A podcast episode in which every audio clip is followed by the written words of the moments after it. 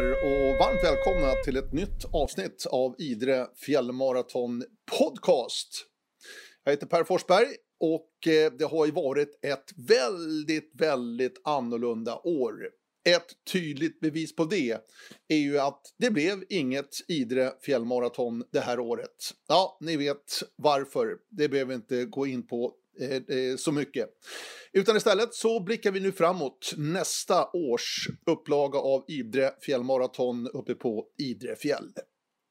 Och vi kommer här under hösten, vintern, våren inför tävlingen där i slutet av augusti månad 2021 fortsätta med eh, podcasten Idre fjällmaraton. Möta sköna personer, en hel del härliga gäster naturligtvis som motiverar er ger eh, lite kick inför eran satsning, eran träning och eran uppladdning inför Idre fjällmaraton. I det här avsnittet så möter ni Frida Södermark, en av Sveriges bästa ultradistanslöpare. Är ju grymt bra på det. Men framförallt då som slätlöpare. Nu ska hon ge sig kast med traillöpning. Hon har provat på det, absolut. Men eh, har fortfarande en hel del att lära. Det får ni höra i podden. Hon är dessutom ambassadör för Idre fjällmaraton och ingår också i Salmings running team, Salming som är ju en ny huvudsponsor för Idre fjällmaraton. Och här kommer vi prata, ja, drömmar, mål, men också en hel del annat. Frida Södermark är väl värd att lyssna på, så det är bara att haka på. Sätt er ner, lugnt och fint och lyssna till Frida Södermark alltså, på plats, hemma i Norrköping på din härliga bakgård här. Ja, i slutet på september och så är det så här varmt och skönt. Vi sitter ja. ju och njuter. Årstid, har du en favoritårstid förresten? Alltså jag gillar ju det här med att sola och ja, sola framför läsa böcker i solen. Så jag är inte så badig, men höstens det här luften och det krispigheten. Alltså, ja, jo, men ja. Alltså jag gillar ju växlingar, så jag gillar ju alla årstider. För att, du bor i rätt land då? Ja, alltså allt har ju, då har man ju någonting att se fram emot hela tiden. Mm. Att allt bara skulle vara soligt jämt. Så att, eh, nej, jag har nog ingen favoritårstid. Du Frida, hur presenterar du dig själv för en som du inte har träffat förut? Ja, då skulle jag säga att jag är långlöpare för att det har ju blivit, löpare för det har ju blivit min livsstil, framförallt ultralöpare. Men inspiratör och föreläsare kopplat till det för att jag brinner ju för att fler ska upptäcka det här fantastiska som man kan göra för sin kropp och sin själ. Hur upptäckte du det? Jag upptäckte det genom att jag skulle sprang milen med mitt jobb som gymnasielärare för att de andra skulle göra det och jag ville inte vara sämre och jag gillar utmaningar så jag tänkte att då ska väl jag också vara med och det visade sig att en mil var ju inga konstigheter och sen blev det längre och längre och fler och fler gånger i veckan med massa människor som jag fortfarande har som min, min närmsta umgängeskrets. Mm. Och Chalve då. Ja, precis. Chalve, ja. den stora klubben här i Norrköping. Mm. Men det här var en bit in i ditt liv. Ja, men det var ju det. Jag var ju 28 år och, och jag, jag brukar säga så jag, det var i början jag Ja, vi kommer väl till det att jag sa upp mig som lärare och började gå runt och prata om de här grejerna så brukar jag säga att ja, men jag, jag började nyss, men man kan inte säga det efter 14 år. Men däremot så kan man säga att man började senare i livet, för det är ju ett konstant fakta. Att mm. jag har ingen idrottslig bakgrund som ungdom alls. Utan det var mer annan. Min energi kanal, kan, kanaliserades in i andra aktiviteter men jag har alltid varit väldigt energifylld. Mm. Men vad var det som du fastnade för liksom? Nej men det var nog att eh, jag märkte att här finns det någonting som jag eh, är bra på. Ja, det gick ganska snabbt. Man får ju, alltså det där med dels att det gick att ta sig runt på milen utan att jag hade försökt innan. Det är klart jag hade sprungit 5 kilometer, 3,5 kilometer och så, men jag hade aldrig varit runt på en mil och jag testade och kände att jag behövde inte stanna någon gång och det var ju ändå ett tempo. Och eh, anledningen till att jag testade milen var att jag skulle springa höstmilen då med nummerlapp på bröstet och även där, jag tror jag kom 15 plats eller någonting sånt där. Eh, kanske jag, historierna, jag kommer inte ihåg men jag vet att jag sprang den på någon 52-53 och den är väldigt brutal de där faktiskt 11 kilometrarna där i skogen runt Norrköping. Och, och man kände att man blev starkare väldigt snabbt man, och man hade, hade väldigt roligt med de här människorna som sprang i Chalve. Och sen testade jag min första mara åtta månader efteråt och fick en tid som ändå var, ja, vad jag fick höra, jag hade inte så stor koll, men att där fanns det någonting. Och det är klart att man drivs till att fortsätta testa då, speciellt när man ju som jag sa, hade ett sammanhang som man tyckte var väldigt roligt att vara en del av. Ja, vi brukar, brukar kalla oss lite skämtsamt Chalve-familjen ever since. Så den finns också Ja. som en viktig del i det här. Oh ja, den- den, den- sociala sidan. Den eh, var jag med igår på söndagarna. För det, det, då kör vi ju långpass och vi, har, vi kör äventyrslöpning igår och vi badar och vi fikar och vi, ja, men vi gör som, det är så mycket mer utöver löpningen. Det är ett socialt sammanhang där vi verkligen gillar varandra. Du har unders- vad- är det du har som gör att det passar för långlöpning? Att hålla igång länge? Ja men alltså det jag är ju inte, jag har ju väldigt bra självinsikt. Jag är inte supersnabb. Och, men jag vet att jag har en väldigt bra lägsta nivå och jag ger inte upp. Jag skulle aldrig bryta ett lopp om det inte var så att jag kände att det här gör att jag inte kommer kunna springa på väldigt, väldigt länge. Utan det, jag, man, har ju den man har ju den förmågan att skilja på okej ont och dåligt ont nu. Och sen det mesta sitter ju i huvudet. Och att göra klart, det kan man sätta sina pengar på. Det gör jag alltid. Och det är väl mycket det. Och sen att jag kan hålla på väldigt, väldigt länge. Mm. Det, ja, det är, väl, det är ju därför jag har hamnat i ultra också då med slump efter några år där. Eh, jag började med långlöp. Jag började med den här milen 2006 och sen 2012 så också av en slump så blev det ju ultralöpning och där har jag ju hittat min, eh, min gren inom friidrotten.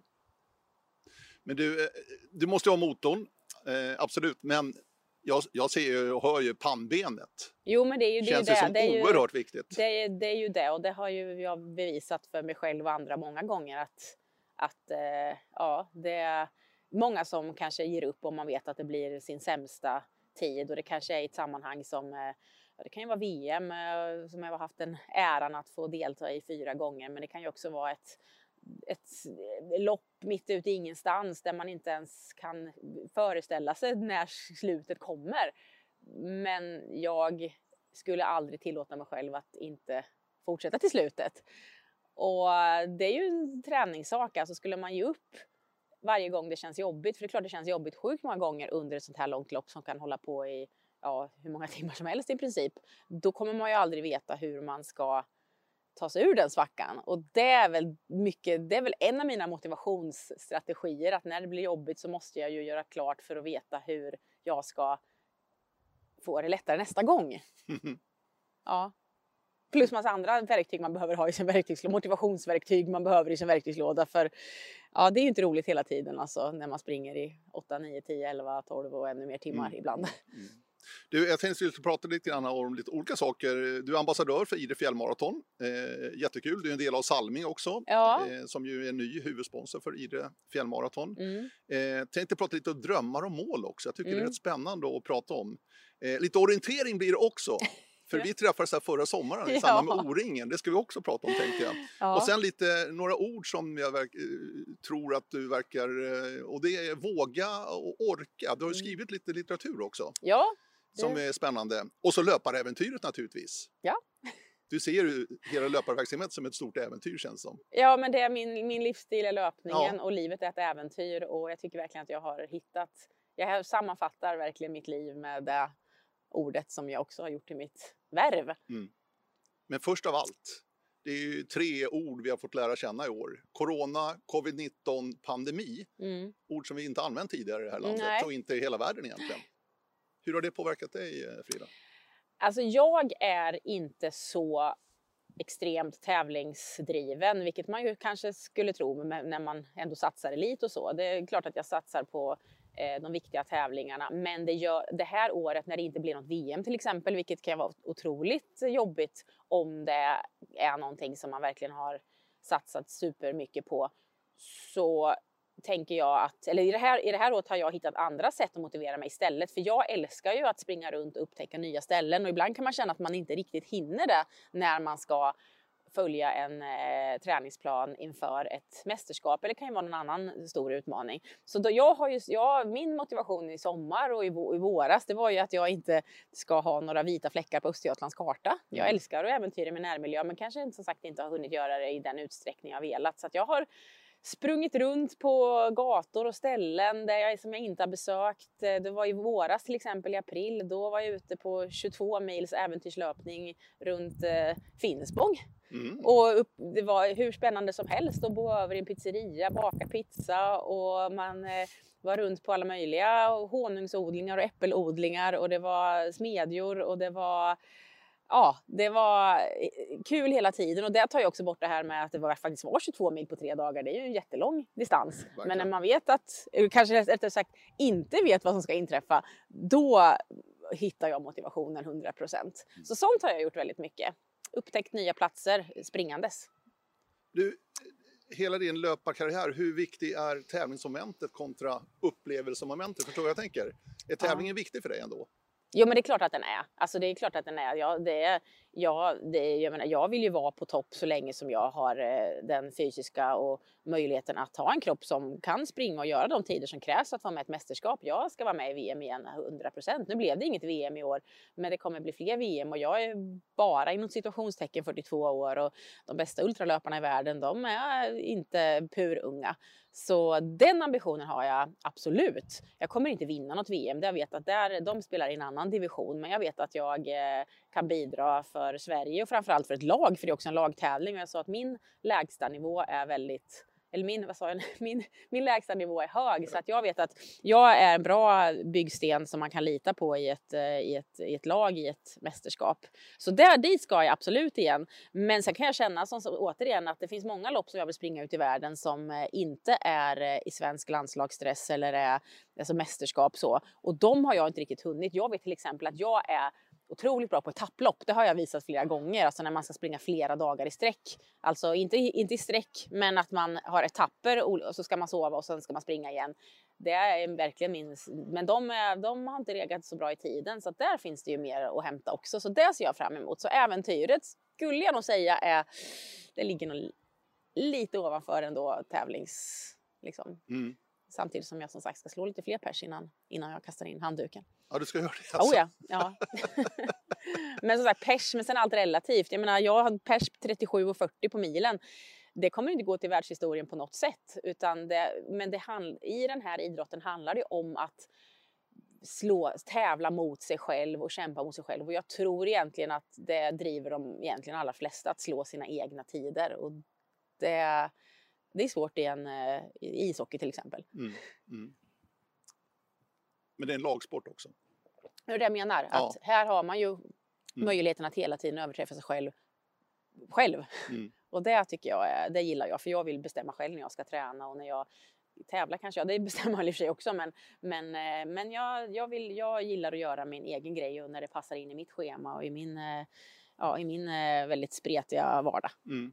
Men har saknaden varit stor att det inte är ett normalt år så att säga, där man har sin kalender, liksom man vet vad man ska göra och så försvann allting bara. Nej, jag ska inte säga att jag har, eh, det är klart att det har påverkat mig, det påverkar ju allt vi gör, men det har inte påverkat mig så att jag har tappat eh, motivationen. Utan jag, då har det, man har fått hitta andra lösningar och det är också en sak som jag driver mig att hitta ja, man får göra på ett annat sätt och det kan bli väldigt bra det också. Det blev inte som man hade tänkt sig, men det bryter inte ner mig. Spännande. Du, den där milen du sprang då 2006, 2007 någonstans. Mm. det, det, det, din entré så att säga in i löparvärlden. Ja. Sen gick det rätt fort då till ett maratonlopp ganska snabbt. Jo, det var ju väldigt fort eh, och det gick ju inte på den tiden. Ja, nu är det väl också svårt. Det brukar bli ganska fulltecknat i loppen, men jag vet att det var. Det gick ju inte att anmäla sig till Stockholm Marathon på våren då. Det var ju smockfullt mm. så att jag köpte ju en startplats på Blocket och eh, gav mig iväg där och hade ju. Jag hade ingen jag hade ingen eh, aning riktigt om vad jag, skulle, vad jag skulle springa på. Jag är inte så mycket sådär att läsa på om vad man ska hålla för tempon och vad man ska, i alla fall inte nu har jag ju indirekt fått koll på det. Det får man lätt efter 14 år oavsett om man är fokuserad eller eh, på siffror och tabeller och pulszoner och sådana saker. Så, men jag, jag kände att jag, jag det, det, där kom, det, är ju, det är ju inte bara den där maran för, för nu 13 år sedan utan utan överhuvudtaget när man gör någonting första gången. Ja men det är ju bara att göra och det värsta som kan hända är att man inte gör klart eller att man, ja i den bästa världen så råkar man springa väldigt bra. Men man har ju ingen press på sig. Nej. Utan Men- det är ju bara ett försök och sen kan det bli väldigt bra. Det var ju samma när jag testade hu- 100 kilometer första gången 2012. Det var ingen som visste vem jag var och jag hade aldrig sprungit 100 kilometer och det var ju en ganska skön känsla att det var ingen som räknade med att jag skulle springa bra. Nu är det ju folk som räknar med att jag ska springa 100 kilometer bra och det är ju jobbigare än vad det var första gången. Ja, jo, det förstår jag. Men vad, vad är det som händer hos dig? Så att säga? När, efter den här milen så känner du rätt snabbt att jag vill springa längre. Är det det det handlar om? Eller att du Jaha, så. passar för att Nej, springa men längre? det var nog det att eh, ja, men är, man det med ett gäng som, men är man med ett gäng som, eh, som siktar på halvmaror och maror, då är det klart att då har jag svårt att säga att nej, men jag nöjer mig med milen ett tag. Det ska man nog göra i några år. Det finns ju inte på min karta. Så jag, skulle de skulle väl jag. Det var ju samma som med den där milen med jobbet. Skulle de skulle jag. Jag menar, jag är ju frisk och stark. Det, varför skulle inte jag klara det? Mm, mm. Tänkte jag. Men ändå upp till 100 kilometer då, de här ultraloppen. Ja. Slät, slätloppen, det är ju oftast 100 kilometer. Mm. Eller många sådana finns det i alla fall. Ja, och det är en. VM-distans också. Mm, och det är ju min där jag fokuserar mest på också, Ja. just 100 kilometer. För det är ju rejält ändå. Ja, det är ju precis. Och, jag, och marerna, de, de eh, stod ju som, ganska, som spön i backen ganska snart efter jag hade provat första gången. Men, eh, men, eh, och jag hade inte tränat särskilt mycket längre. Man tränar ju inte en mara när man ska springa en mara. Så att jag hade ju inte, innan jag kom på, ja, av en, också av en slump egentligen, att jag skulle testa den där SM-maran uppe i Adak 2012, så hade jag gjort två längre pass över en mara Ja.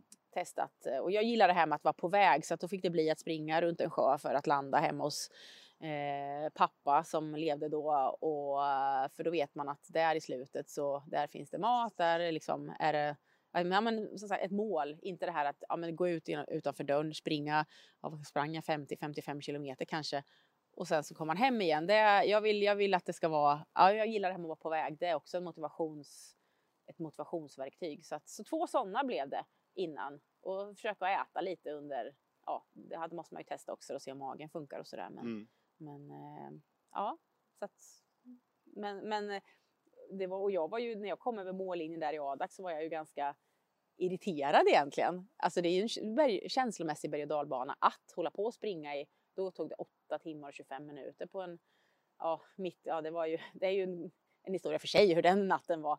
Men eh, när man kommer då först över mållinjen så det är klart att det är en skön känsla att vinna SM-guld men det tog några minuter innan det var en skön känsla för jag insåg att men om jag vinner det här då kanske någon förväntar sig att jag ska springa 100 kilometer igen och det hade inte varit kul hela natten för det här loppet gick på natten. Eh, så Ja, jag men var berätta om den natten, jag blev, jag blev nyfiken. Ja, klockan 10 på kvällen startade det. är ju ljust som alla vet. Härligt Uppe midnattsljus. Var det på sommaren alltså? ja, det var på sommaren var Ja. det. Men det var den här, det här året, ni vet när eh, Stockholm Marathon regnar bort. Oh. Ja, just det. När det var varmare på julafton Eh, var ja, och det här var väl så här köldrekord sedan 1700-talet eller någonting där på den Mara. Ja. Jag var med i Maran också Ja, det året där. Ja, Det var ju ren misär, men det, det, det kommer ni ihåg ni som var med. Ja. Och det var ju lite så där. Det var, det var väldigt kallt, det var småregnigt. Eh, Det var inte någon trevlig inramning, men det var ju också så här, det var ju lika för alla. Det kanske skulle bli bättre väder under natten, alltså vad skulle man göra? Det var ju bara att ge sig iväg återigen. Ingen förväntade sig någonting av mig. Det var ganska skönt att stå där och testa att springa 100 kilometer utan någon form av press, varken från någon annan eller från sig själv framför allt. Eh, och det var ju väldigt konstigt supportat. Det var liksom eh, de som bodde i de här avfolknings, eller de här nästan avfolkade, avbefolkade byarna som skulle supporta. Det var ingen, ja, det var inte en S, det kändes ju inte som en SM-tävling, det gjorde det inte. Och det var liksom inte uppällt någon dryck och burkarna var stängda med mat och alltså, ja, alltså, efter några timmar, man, man, man, det var ju så att jag struntade i istället för, för att ta någonting på kontrollerna för jag pallade ju inte kommunicera med någon. Så jag var ju ganska energilåg och jag, vet, jag fattade inte riktigt hur det gick till att ta sig runt det där. För det var ju inte någon adekvat energiintag och inte tillräckligt. Men på något sätt så, ja men man hade, jag tror att det var att man hade ingen mental press. Nu ska man liksom räkna ut hur mycket man ska äta och hur många gram kolhydrater. Alltså jag gjorde fasen mina bästa lopp när jag inte tänkte. Jaha, alltså på okej. riktigt. ja. Så, men det var fem mil längs Skellefteälven och fem mil tillbaka längs Skellefteälven, kort sammanfattat. Och det var, det var ju säkert fint på vissa ställen, men jag kan inte påstå att jag registrerade att det var så himla fint. Det regnade ganska mycket och det var ganska, det var, det var, det var väldigt tufft var det. Mm. Hur, hur pass strukturerar och planerar det vad gäller pace och fart och sådär? Det här var första gången då säger Ja, det var första du? gången. Och då är det svårt naturligtvis, men hur har det blivit vad det gäller sånt? jag går ju som en klocka. Det är många som brukar vilja springa bredvid mig för de vet att jag springer väldigt jämnt. Mm. Och jag går ut i tempo som jag vet att jag klarar. Jag har svårt det här att gå ut sakta och sen öka. Utan jag, jag går ut i det tempot som jag har tänkt att springa på. Alltså vilken, den tempot jag måste hålla för att gå, gå i mål på den tiden jag har tänkt att springa på. Det, så gör jag alltid. Och ja, jag vet inte vad jag ska säga eller vad, vad frågan Nej. är. Nej, men jag förstår. Jag förstår. Men du har en plan i alla fall när du startar? Ja, jo, men det har jag absolut. Det, har Det jag. måste man väl Såklart. ha? Ja, ja, det har jag. Och jag vill ju springa 100 kilometer nästa gång på 7.45. Det är ju en lapp jag har på min dörr Mm, hemma. mm. Men den har stått där flera år sedan. Det nästan känns som att, ja, men vad snackar den där tjejen om? Hon säger att hon står 7.45 på hennes dörr och har stått i tre år. Men däremellan kom det ju ett benbrott och ja, en eh, coronaår. Jag sprang ju faktiskt 100 kilometer år. Det är inte så många som har gjort det. Men jag sprang det i Holland och då var det blåste det på tvären och regnade och soptunnor flög över löparbanan. och Det var en 400 meters bana och det var ren jäkla misär. Men som vanligt, jag gick i mål. Men det blev väl 8.20 eller någonting. Eh, vilket var helt egentligen fantastiskt med, i de förhållandena som rådde. Det var ju inte många som hade startat den där dagen kan jag säga. Men ni sprang det- inte bara på rundbanan? Eh, jo, det Va? gjorde vi. 250 gånger. Allvarligt? Du hör hur roligt det låter. Ja. Nej, det låter inte roligt alls. Nu pratar vi, pan, liksom nu pratar vi pannben igen ja, alltså. ja, precis. Återigen. Det är klart att jag gjorde klart, men det var fruktansvärda förhållanden. Alltså det, var, det blåste från sidan. Det, alltså det, spö, det, var alltså, det var en stund på den där dagen så var det alltså en sjö på löparbanan. Helt jäkla sjukt när jag tänker efter alltså hur man ens kunde driva sig till att springa en skaplig tid när Alltså det är liksom, ja, är det det? Ja, men jag, på något sätt så är jag ju stoltast över de tuffaste tävlingarna jag har genomfört. Jag är Mm. egentligen stolt, den, stoltast, den tävling jag är stoltast över, det är egentligen en tävling där jag sprang min sämsta 100 kilometer tid. För den var så jäklig.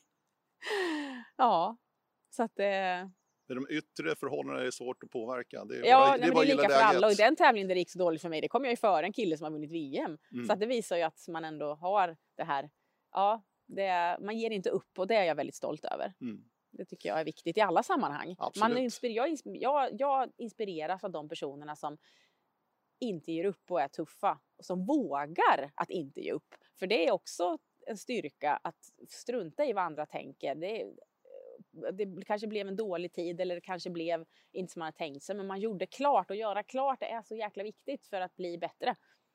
Har du alltid haft det i dig det där? Måste nästan, får man nästan fråga sina föräldrar. Ja, men, jo, i eh, och för sig. men, eh, ja, men det skulle jag nog säga. Det känns som att jag gjorde klart när jag var liten också. Mm. Det är, ja, faktiskt. Ja, utan att komma med något exempel. Du, eh, träningsmässigt, hur pass strukturerad är du där? Hur planerad är du? Alltså, ni har ju redan förstått att jag kanske inte är sådär jätteplanerad. Alltså, jag har en tränare, Begge Nilensjö på Magasin Spring.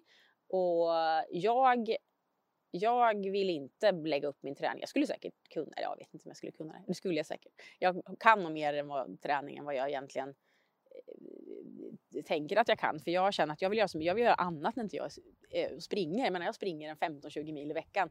Resten av tiden vill jag göra något helt annat. Läsa böcker, gå på teater, eh, pff, ja, whatever liksom. Men, men han lägger upp min träning och just nu, jag har haft flera andra innan, just för att det är kul att varieras också. Men nu, vi, jag och BG, vi har samarbetat i, jag tror det är två eller tre år kanske. Och jag får min träningsplan på söndagen. Mm. Och det är eh, vilka pass jag ska göra, vad, det, vad, som, vad de innehåller. Nycklarna är trösklar, eh, men främst så är det flow, alltså distans, där jag ska känna flow i kroppen och tänka, liksom, försöka tänka på tekniken. Men framförallt känna flow. Jag tittar inte på det är klart jag tittar på klockan, jag kollar hur långt jag sprungit och sådär. Men det är inte så att jag går ut och tänker nu ska jag springa i ett visst tempo, utan det handlar mer om att jag ska ut en viss tid. Och sen har man då kvalitetspassen då, där det är lite mer eller det är strukturerat. Men, men, jag, men jag får dem på söndagen och jag har ju flexibilitet i mitt liv så jag kan ju planera in den här träningen, vilket är en fördel såklart i jämförelse med många andra. Jag jobbar väldigt mycket, men jag kan bestämma när jag jobbar. Så på söndagen då pusslar jag in de här träningspassen i det övriga livet och det är ofta så att det blir så att jag springer dit jag ska på de här flow distanspassen. Mm. Så det sparar ju tid till att göra annat sen när man, eh, när man kommer hem. Nu när jag har vikarierat en del på skolan i och med corona för att jag har inte så mycket uppdrag inom löparäventyret. Då har det ju handlat väldigt mycket om att springa till och från eh, skolor. Så jag har inte tagit, det finns en skola här precis bakom huset. Ja, ja, de behöver vikarier. Men jag har varit på de som är kanske en 10-17 kilometer hemifrån. För då, jag ska ändå träna. Aha. Så, så att, faktiskt, och jag tänker att ja, men det, är liksom, ja, det är bättre för då cyklar jag ju springer dit. Istället för att jag går hit. Ja, så, att det, så att det har inte gjort något att skolorna ligger lite längre bort. Men, men så mycket transportlöpning är det. Eh, men jag är väldigt träningsvillig, lite för träningsvillig, så att det är väl det här med vilan och inte göra för mycket som jag egentligen behöver mest hjälp med. Och sen är det inför en tävling, då är det lite mer strukturerat. Då kan det vara vilka dagar jag ska ta passen, Mm. inte vilken tid och så. Men, eh, men det passar mig väldigt bra att någon annan säger hur mycket jag ska göra och vad jag ska, vilka pass, men att jag själv får planera in dem. Jag vill inte ha träningen mer än en vecka innan för att ja, men då kan man gå och grämas över att ja, men ska köra, shit är det 3 gånger 3000 meter eller något jättelångt distanspass med massa fartsegment. Då, kan man liksom, då går man och tänker att ja, men det blir jobbigt och det, ja, men det, det skaver lite att veta att det är om tio dagar. Då vill jag hellre veta det på söndagen och så ja, behöver jag inte fundera på det tidigare än så. Har, har du hittat din formel, din väg till toppform så att säga, att vara som bäst när det verkligen gäller? Ja, och det handlar om att jag ska ha ganska, jag ska träna ganska mycket den veckan faktiskt. Då är jag som bäst, har eh, facit visat. Mm. Att vila sig i form senast sista veckan, det, då, då skrotar jag ihop. Så att, eh, men det är ju en fin avväg, finns såklart en hårfin gräns till att träna för mycket samma vecka. Och, och där, men där, eh, där lägger BG exakt vilka dagar jag ska ha passen och sådär. Och, så det, och det känns tryggt. Du, du känns ju verkligen rent historiskt som en eh, släpt löpare.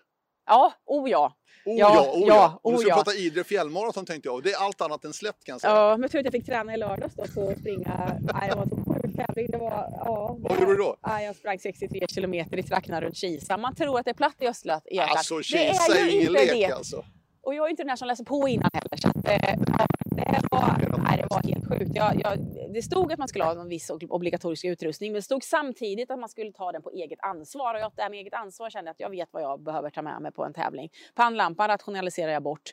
Men hade det inte varit en mil väg också inblandat i det här, då kanske jag kanske behövt pannlampan. Ja, just det. Men jag det. vann. Men, men det säger ingenting om, om min löpkapacitet på trail. Det säger mer om att det är fler som borde upptäcka detta fina lopp. Ja, vad trevligt. Ja, verkligen. Ja, det är härliga trakter Nej, det alltså. var jättefint, men det var väldigt kuperat. Det var många ställen där jag faktiskt inte tror att någon kunde springa. Men, eh, men det var många ställen där säkert andra sprang och inte jag riktigt kände att jag kunde få ut maximalt. Men det var en jättefin dag, men det tog sju och en halv timme. Så att jag har tränat, börjat träna inför Idre fjällmaraton kan vi Mm. säga. Vad har du annars för erfarenhet av trail-lopp? Alltså Ultravasan har jag ju stor erfarenhet Ja. av och den är ju ett sånt här verkligen gilla-lopp. Jag älskar att springa Ultravasan. Den saknar jag verkligen i år. Men man kan väl inte säga att den är så himla trail egentligen, förutom på Ja. Rätt snäll är den. Ja, man kanske säger att en mil kanske är tekniskt Ja. högst. Ja. Eh, det var lite roligt för att ultradistans.se de, eh, de livesänder ju eller live-kommentera och de frågar alltså vad gjorde du egentligen i skogen? Frågar de. men jag tog, jag springer ju fatt folk på vägen sen men de helt ärligt de bara alltså du på riktigt vad gjorde du i skogen? alltså det, men jag kan ta det, jag tycker det var roligt. Ja, det är helt otroligt. Jag är typ stelopererad. Ja. Ja. Men eh, ja, nej, men den, det är väl min där. Och sen så, ja, jag springer liksom i skogen och så. Jag tycker det är kul. Men, men jag kan väl känna så här, visst man kan väl bli bättre på att springa trail och det blir man ju om man skulle öva mer. Men det är mycket man ska öva på. Jag vill ju samtidigt vara ännu bättre på platt asfalt också. Men eh, det är ju också en faktor i det hela att man blir stark av att springa i skogen. Så att eh, jag gillar att springa i skogen. Men jag kommer aldrig bli någon av topplöpare på trail. Det kommer jag inte bli. Men Idre fjällmaraton, eh, du var uppe i Idre här i somras Ja, ja. tillsammans med Salming Mm. för lite fotografering och annat. Och det där var ju en häftig, jag, jag läste på din blogg nämligen, Mm. om resan dit. Ja. När du hoppade av bussen nere i byn alltså. Du Ja. hade inte koll på läget där Nej, riktigt. jag hade väl inte riktigt varit eh, så mycket i Idre. Jag tänkte att den där bussen kan väl inte åka till varenda liten krok upp och ner. Den stannar väl i centrum. men eh, det gjorde, ja, det gjorde den ju, men den stannade ju även där uppe dit jag skulle. Ja. Så att jag fick ju börja, börja gå. Det men visade sig att det var ju en mil upp till, eh, till själva Idre fjällby, säger man. Ja, där. fjällanläggningen. Ja, fjällanläggning. Så jag pinnade väl på en fem kilometer och vi skulle ju ändå samlas där uppe på kvällen. Jag tänkte det tar ju ett tag. Så att, men jag, jag, jag, det är ju många gånger jag liftar. Så att jag liftade och fick, blev upplockad där efter fem kilometer någonting. Så, så, så jag kom dit. Men det blev ju också lite, det vart ju någonting som man kunde, man kunde ja, berätta om för andra. Ja.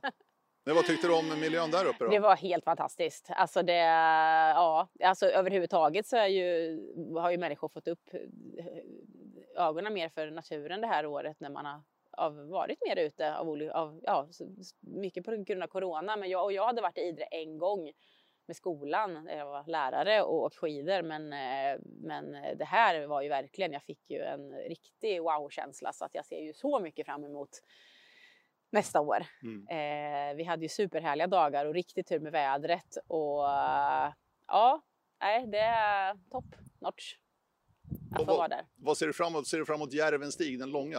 Eh, nej, det, det, det gör jag faktiskt inte. Eller, Nej. eller rättare sagt, jag kommer inte köra den. Eh, i, faktiskt i samråd med eh, arrangörerna så insåg vi väl att det kanske inte ens blir, det kanske inte blir så kul för mig att springa den långa. Nej. För den är ju väldigt krävande. Ja, den är ju väldigt mycket obanad. Alltså det finns inte ens Ja, en stig. Nej, precis. Du måste jag, alltså vara orienterare liksom. och jag kände väl att det fick jag väl bekräftat kanske då i lördags när det var väldigt mycket obanat också. Ja. Och, och det här, det ska ju, jag, jag vill ju att träning och tävling, det ska ju ändå vara någon form, form av njutning och där känner jag väl att de kortare distanserna kommer vara bättre för mig. Och det är det som är så bra, för det finns ju jätte, ja, i mina mått jättekorta distanser.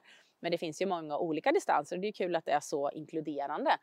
Och med tanke på hur mitt i naturen man är redan i starten så kommer ju inte naturupplevelsen, för jag kan känna så här, om det hade varit så att jag hade missat hela naturgrejen eller väldigt mycket om jag sprang en kortare distans, då hade jag ändå gett mig ut på den långa. Men jag vet nu när jag varit där att jag kommer få en magisk upplevelse ändå.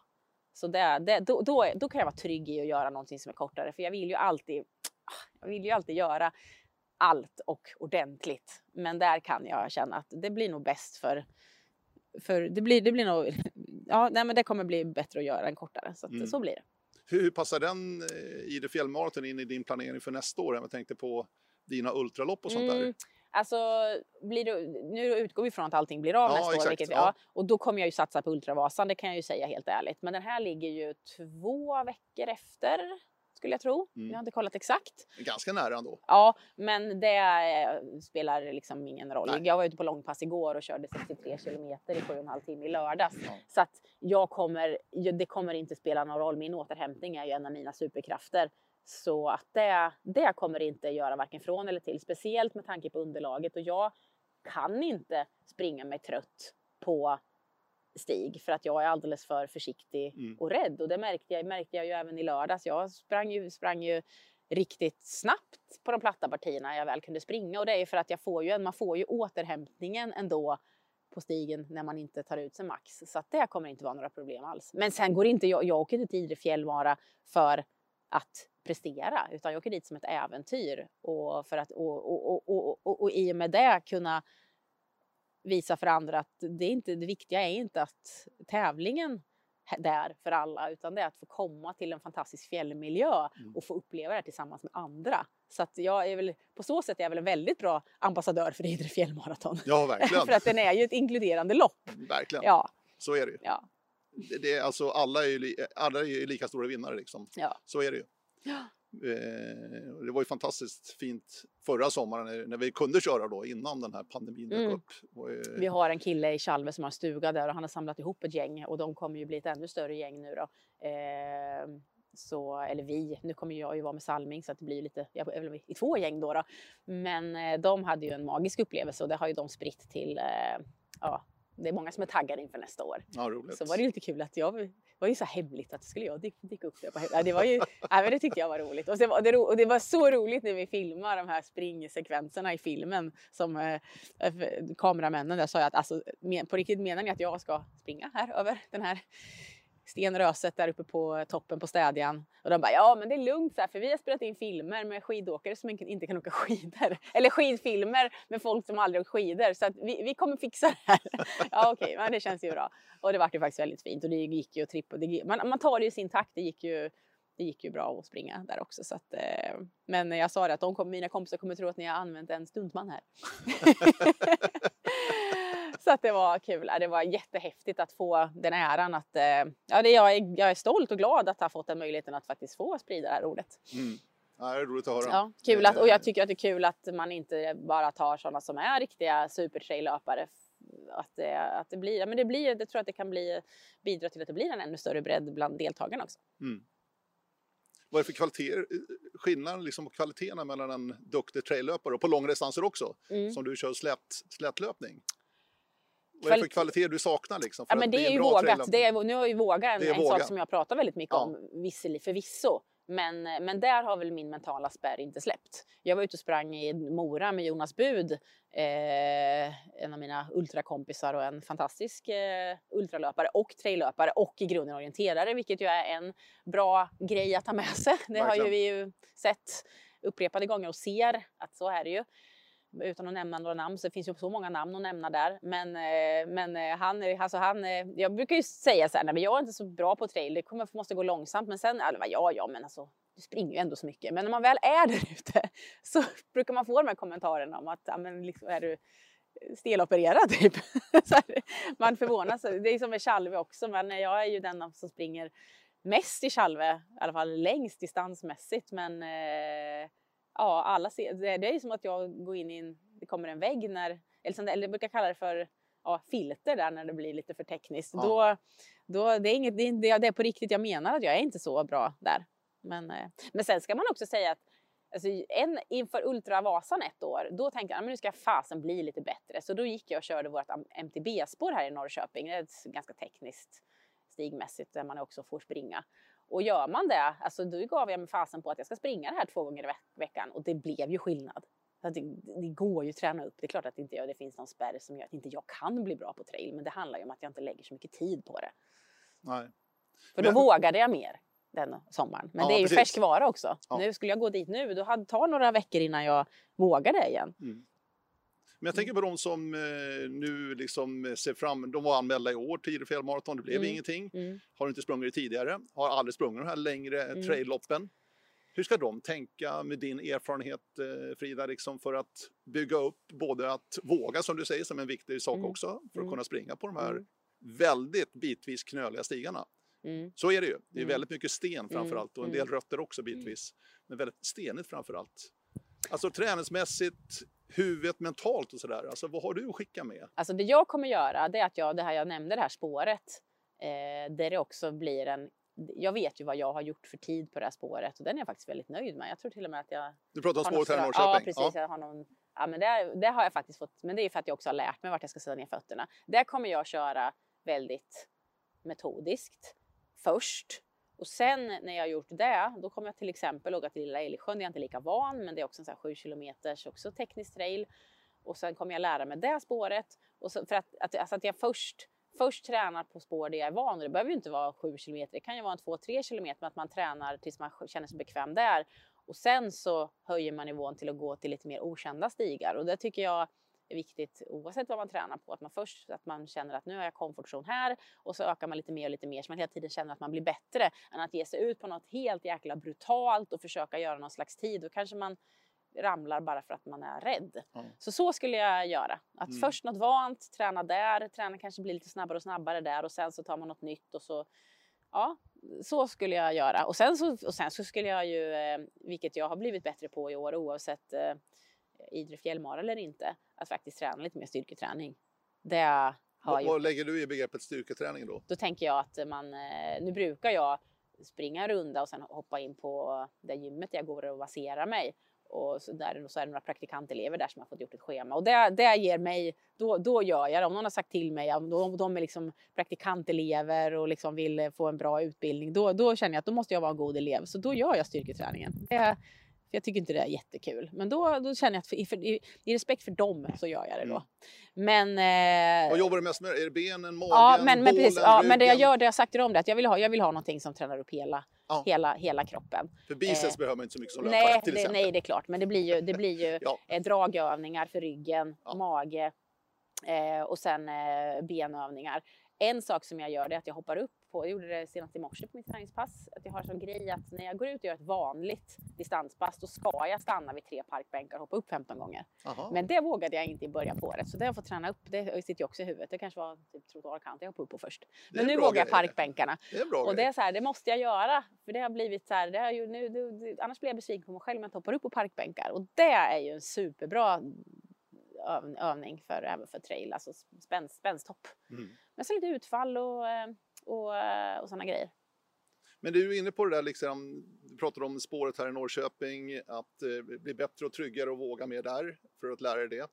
Hur viktigt är det att ha, ha liksom, eh, sätta upp tider att man blir bättre och bättre också? Hur, hur pass viktigt är sånt, skulle du mm. säga? Och jämföra för att jämföra med sig själv på Ja. spår så är det jätteviktigt men för mig. Ja. Jag tittar ju, det tittar jag ju jättemycket på. Jag, alltså det, För att få bekräftelsen liksom. ja, Mm. och så lite så dagsformen och Mm. Nej, jag tittar alltid på tider, tider så om jag gör en specifik alltså utmaning så. Men återigen, när jag är ute på mina distanspass då handlar det inte om tempot, det handlar om en bra känsla. Men går jag till mountainbikespåret där jag vet vad jag brukar springa på, då kollar jag på klockan och det betyder jättemycket för mig själv. Men det betyder inte, jag bryr mig inte om någon skulle gå in på Strava och titta vad jag hade. Det skiter jag totalt i. Mm. Utan det här handlar om mig och vad jag har gjort innan och vad jag, vart jag vill tillbaka. Mm. Och så tycker jag alla ska tänka. Och det är ju, alltså visst, det, det snackas ju så himla mycket om alla segment och fram och tillbaka och så, men hur mycket, vem bryr sig egentligen om vad någon annan gör? Det är ju sin eget man egentligen slår. Mm. Och det måste man vara noga med så att man inte... Så att man inte... Det där tror jag är Ja. jätteviktigt. Ja, Otroligt viktigt. ja alltså det... Annars blir man ju jätteledsen många Ja. gånger och då kanske, och har man inte den mentala styrkan att kunna hantera det så kan det ju bli jättejobbigt. Du, du gillar ju att skriva. Ja, jag älskar att skriva. Ja. Det, nu ska det skrivas blogg om det här äventyret i lördags här i Östgötatrailern. Ja, den ska jag det är läsa, min- kan Det jag är säga. min task Det ser jag idag fram på läsa. eftermiddagen. Ja, ser jag fram emot att läsa. Eh, du har skrivit några litterat- eh, ska jag säga, böcker. Ja, jo men de Typ, är, ja, men kan vi säga. Man, det, är ju inga, det är ju inga tegelstenar. Nej. Men det är dock det är böcker Ja. som är ska säga, tunnare pocketformat. Lite så här självhjälp, själv, det låter, självhjälpsböcker låter jättekonstigt. Men lite så här tips och tricks. Alltså en bo, böcker som är enkla att läsa där man får med sig tips. Och det är just det konceptet de har på det här förlaget som har gett ut jättemånga sådana här små böcker. Och jag har den äran att få skriva två. Mm. Eller jag är glad jag att gillade ha skrivit titeln två. på det, den första tror jag. Mm, orka. Orka. Mm. Träning och äventyr i vardagen. Ja. Mm. Det är ju en otroligt härlig rubrik tycker jag faktiskt. Alltså, Ja. För att det är ju det alla har att tampas med, Mm. vardagen. Och få Mm. ihop träningen i det andra livspusslet, det är ingen lek. Nej, det är ju inte det. Och det, men det, det, och det, jag tror man har förstått här under vårat samtal att, att för mig är det viktigt att få in saken i vardagen, det här med transportlöpningen och att Ja. jag vill, livet kommer först och sen lägger jag in träningen. Och det vill jag ju förmedla till andra. Och sen också att det, det, det krävs inte så mycket för att göra, så, göra, göra eh, sitt eget liv hållbarare.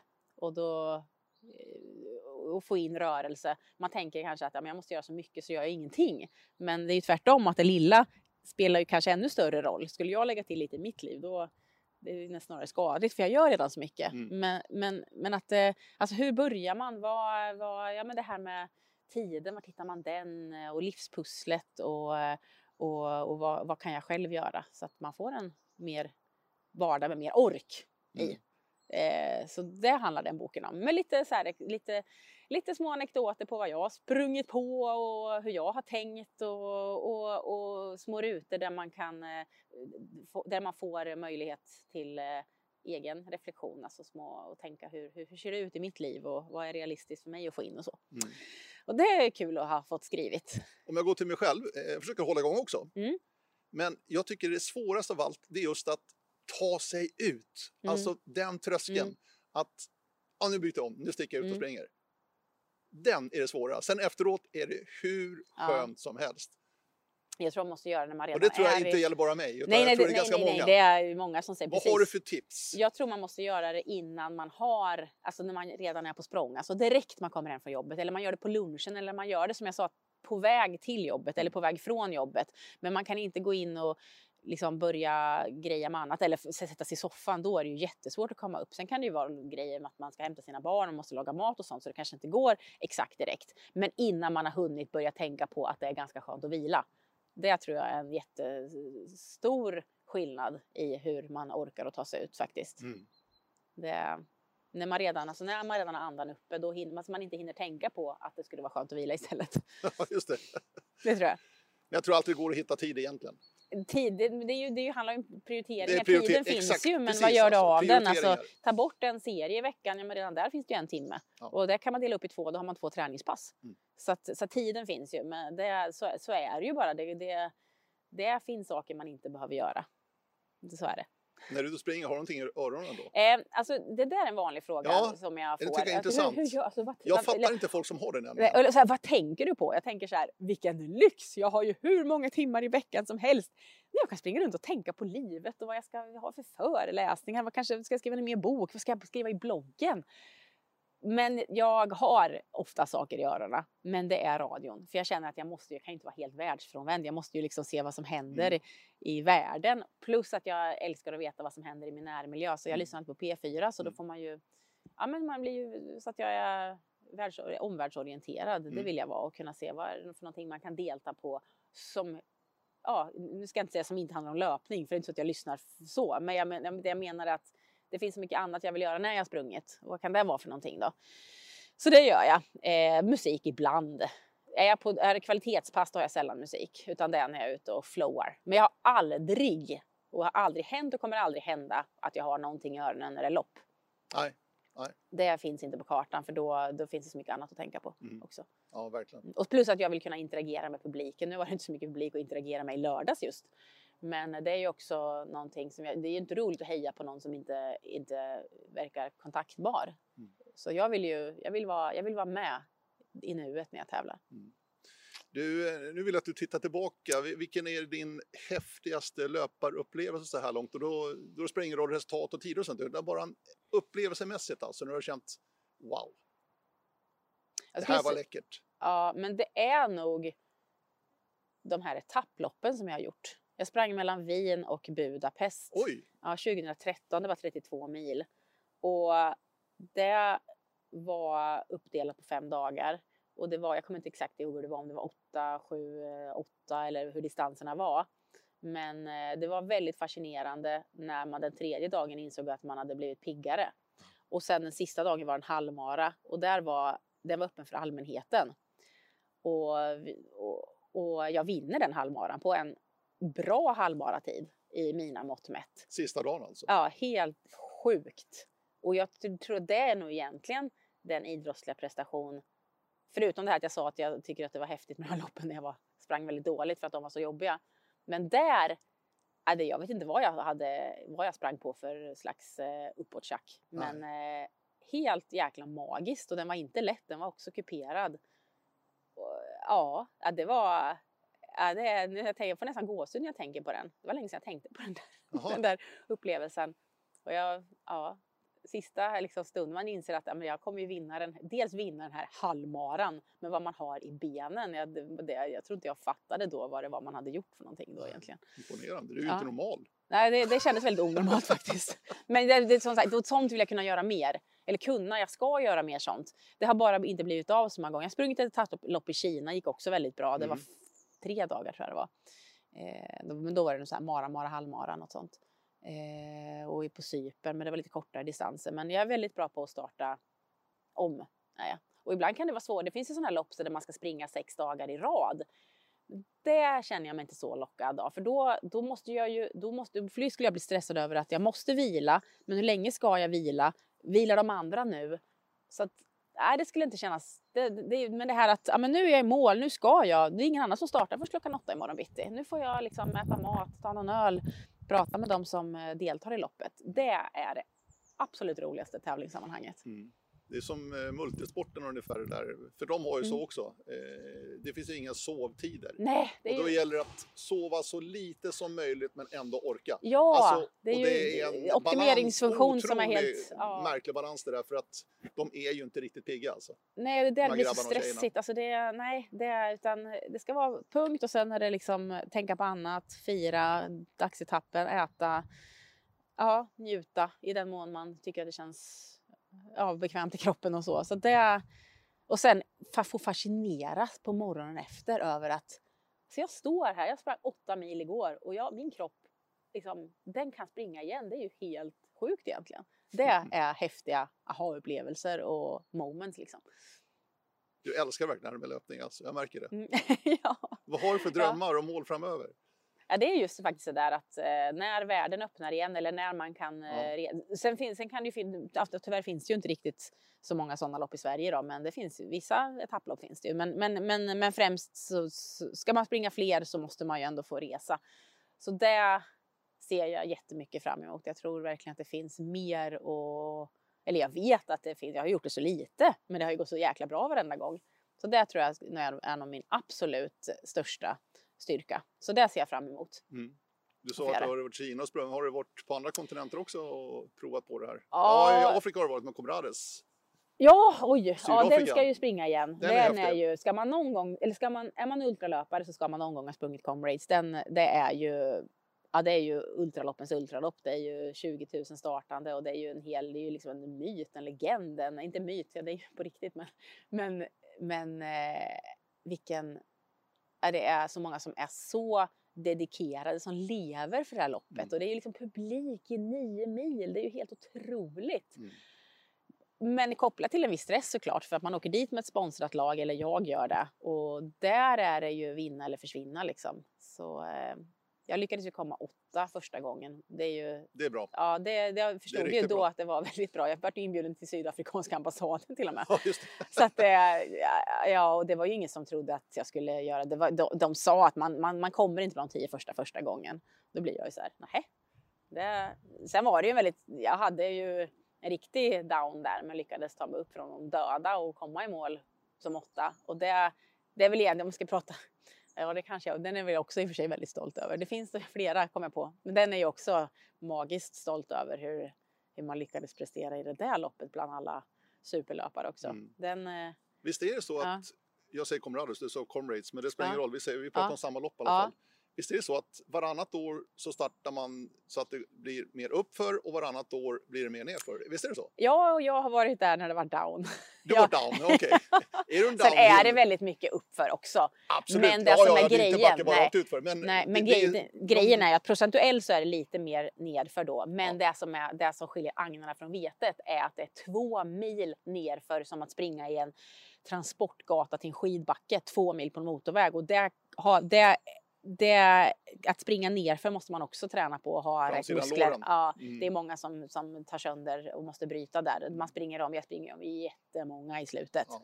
Och som jag, vågar man vara tillräckligt metodisk, långsam eller framförallt i alla fall ta det så att man vet att, att man inte springer ihjäl sig uppför, då har man ju jäkligt mycket att vinna i slutet där. Men jag vill inte ens springa down för att det är så jäkligt. Men jag är ju bättre nerför än uppför. Och jag kan verkligen springa bra ner för det har jag fått höra ja. jättemånga gånger av folk ja. jag sprungit om i även på typ Finspångs stadslopp, inte bara i comrace. Ja, då passar det där perfekt. ja, så att, eh, så att, men det intressanta är att tiderna skiljer sig inte så mycket åt. Nej. Men i min, om jag hade testat hade det skilt så, det kan jag lova. Men så den, den, eh, den, eh, den, den ska ju göras igen. Men där kan jag inte säga att jag känner att jag ser fram emot det lika mycket faktiskt. Nej. Men jag vill ju ändå se om det kan finnas någonting mer där för att det är ju ett fantastiskt sammanhang med otroligt mycket press. Det är, ja, det är ju inte så att man åker dit och känner att nu ska det bara bli kul. Nej, det är, det är mycket, så sagt, mycket press. Mm. Du, eh, vad tror du om framtiden? Tror du det kommer bli mer traillopp för dig, alltså rent generellt? Ja, eftersom Eller är att jag... du är slätlöpare i grunden? Det kommer nog bli det med tanke på att jag, när, när, jag vet inte hur många år till man har eh, hon kommer hålla för att springa i landslag och sådana saker. Och då kommer det finnas mer utrymme för upplevelselöpning. Och det, jag älskar ju naturen och bergen. Och dock kan jag tycka att de ibland kan vara finare nästan nerifrån för att det är jobbigt att ta sig upp på dem. Men, eh, men det, det kommer det, det kan jag säga, det kommer det, det kommer det absolut att bli. Men sen så kommer jag inte satsa på att, eh, att vinna de där loppen, det kommer Nej. jag inte göra. Nej. Men att eh, jag kommer nog drivas mer då av att det kommer vara extra långt istället för att jag ska komma extra hög, högt upp i en resultatlista. Mm. Du, på tal om eh, etapp, skogen, naturen etapper. Jag tänkte ja. på O-ringen förra sommaren. ja. O-ringen 2019, Kolmården, ja. Himmelstalund, inte så långt härifrån faktiskt. Nej, det, vi cyklade ner på kvällen ja, till torget och åt mat. Och alltså, jag bodde ju 20 000 pers liksom. Oh, det var ju, att det var, när vi inte hade Bråvalla längre så kom det som, ett, eh, som en upp, en, en fanta alltså man var så glad. Det var ju festival igen i stan. Ja. Och orientering mm. handlar det om alltså. Mm. Frida, du är inte rädd av det? Nej, det där vill du testa? Ska, ja, men det är klart. man vill inte bara testa lite lite och gå på någon väg med kartan och hitta rätt. Så jag körde eh, röd medelsvår hette det va? Tror jag. Mm. Ja, challenge. Hette det också. Ja. Så jag körde fem etapperna. Ska man, är det fem etapper då ska man fast vara med i fem etapper. Så jag körde det och den dagen jag inte körde då var jag funktionär på MTB-orienteringen. Så, eh, så att ja, nej men det var, det var, det var, det var, man var längst ner i resultatlistorna i princip. Men, eh, men vilken känsla varenda gång man hittar kontrollen. Så jag hittade alla kontroller och det var viktigast för mig att jag skulle hitta alla. Jag skulle inte ge upp som sagt. Då fick det ta tid istället. Så, så jag är, jag, är, jag är nöjd över min insats, det är jag. Och så är jag glad över att det var fler som kom, massa spontananmälningar på lördagen för de såg att till och med en sån som inte kan orientera kunde ju faktiskt vara med. Så det var, det var jättekul, alltså stämningen, folket, inramningen, alltså wow! Kul, jättekul. Och du gillar att utmana dig själv, det där var perfekt för Det var helt perfekt. Ja. Ja, det var så jätteperfekt. Och, ja, så att det, det kommer nog säkert bli någon mer gång att man eh, när, man, när O-ringen är på något ställe man vill åka igen. Så det, Mm. det är inte omöjligt att det blir, även fast jag in- inte kommer att direkt träna orientering. Nej. Och du var ute och testade sista dagen där också. Eh, Tove Alexandersson var ju Ja. fullständigt överlägsen. Ja, det i, ja. Hon är ju världens bästa orienterare. Och du har provat på liksom det hon eh, stod inför här. Ja, vi tog ett gäng, eh, vi var ett gäng med Chalve då en, en torsdag efter O-ringen som gick ut med två stycken orienterare i klubben för att, eh, att testa Toves, eh, vi kallar den för Toves bana, tror jag, Tove- Toves bana, eller det Mm. var ju Toves bana, men vi hade en sån karta och vi hittade väl en fyra, fem kontroller och då gick vi liksom, ja, vi, ja, vi innan solen gick ner hann vi inte fler än det och då hade tror jag 17 kontroller på kartan och och hon hade kört det på en timme och tio kanske, jag kommer inte exakt ihåg. Och då fattar man ju, det var verkligen då man fattar hur otroligt duktig hon är. Man visste ju att hon var duktig innan. Men när man väl är ute där och tycker att det är jättejobbigt att gå upp till startpunkten. Så fattar man på det. Aha. Det var en, en, verkligen eh, en insikt. Ja. Jo, men ni är elitidrottare på nivå liksom. Ni, Ja. alltså, alla är så otroligt Ja. duktiga oavsett idrott. Det är det var fascinerande. helt, jag fattar inte hur man kan springa där och ta sig fram i det. Det är helt, helt obegripligt. Men Ja. fantastiskt Ja. duktigt. Mm. Du Frida, det har varit supertrevligt. Det är måndag, vad, vad, titta framåt, vad väntar för dig nu? Du tänker idag eller liksom Ja, på lite, kort eller så? Mm, Finns nej, inga jag- tävlingar inbokade och sådär? Nej, alltså helgen var lite, år. det var DM 10 000 meter hade vi i torsdags och sen var det den här långa trailutmaningen. Och jag tycker, jag har väl, nej det kommer bli det. Jag har, jag har inte planerat in någon mer tävling faktiskt. Eh, utan, eh, och det känns lite eh, skönt också. Så jag kan, om det skulle vara så att man kan hitta någon 100 km tävling någonstans kanske runt i vinter så absolut. Det finns ju ingen, vad jag vet, jag har inte kollat så mycket heller, då kan det hända. Men annars så tänker jag nog faktiskt satsa på nästa år och det känns på något sätt lite skönt. Jag kommer köra mina, kommer nog inte ligga på en 15-20 mil i veckan men kanske en, eh, en runt en 10 och ja, träna, liksom grundträna och fokusera på styrka och eh, fina saker i min närmiljö. Mm. Eh, nu närmast i helgen ska vi till Norge och hälsa på en kompis och det blir såklart några runder där så att eh, lite sånt. Eh, lite, ja, som är lite lättillgängligt och så. Det kommer jag eh, göra när, den närmsta tiden. Och så Chalve-träningarna såklart. Och, ja, Mm. Det är inte svårt att, eh, eh, i och med att det inte är några tävlingar så att säga, inplanerade, Mm. det är inte svårt med motivationen för dig? Ändå, nej, liksom. nej. Det, jag skulle inte må bra om inte jag fick göra det Nej, här. nej. Så, att, så att jag, jag har liksom grundmotivationen. Så det, det, det, den har jag. Det finns inget sånt som skulle göra att inte jag skulle gå ut och springa utan det är ju min livsstil och där jag vill göra det jag mår bra av. Så att det, nej, jag tänker att det, nästa år då kommer jag vara, då kanske man kan fixa sin eh, 7.45 Mm. och man kanske kommer vara, få en försvarbar tid i Idre fjällmara. Ultravasan, det blir väl ett stort mål nästa år och sen vet man inte hur det blir med om det blir VM när det inte blir VM i år och det ska egentligen vara vartannat år så man har ju verkligen ingen aning vad som händer men motivationen finns där 100% varje dag för mig ändå. Så att, eh, och att kunna få inspirera andra till att man, man eh, att, det- till att ha det här som livsstil oavsett hur stor del av livet eh, träningen är. Supertrevligt Ja. att träffa dig Frida Södermark. Tack, för kaffe, tack, för macka. Tack, ja det och var besöket lilla. Ja, det var jättetrevligt att sitta här på innergården och Ja. soligt och fint. Och, ja, Så om inte förr så ses vi alla fall på Idrefjäll Ja, i absolut. augusti nästa Ja. år. Idre fjällmaraton. Hoppas- Stort tack! ja, tack detsamma.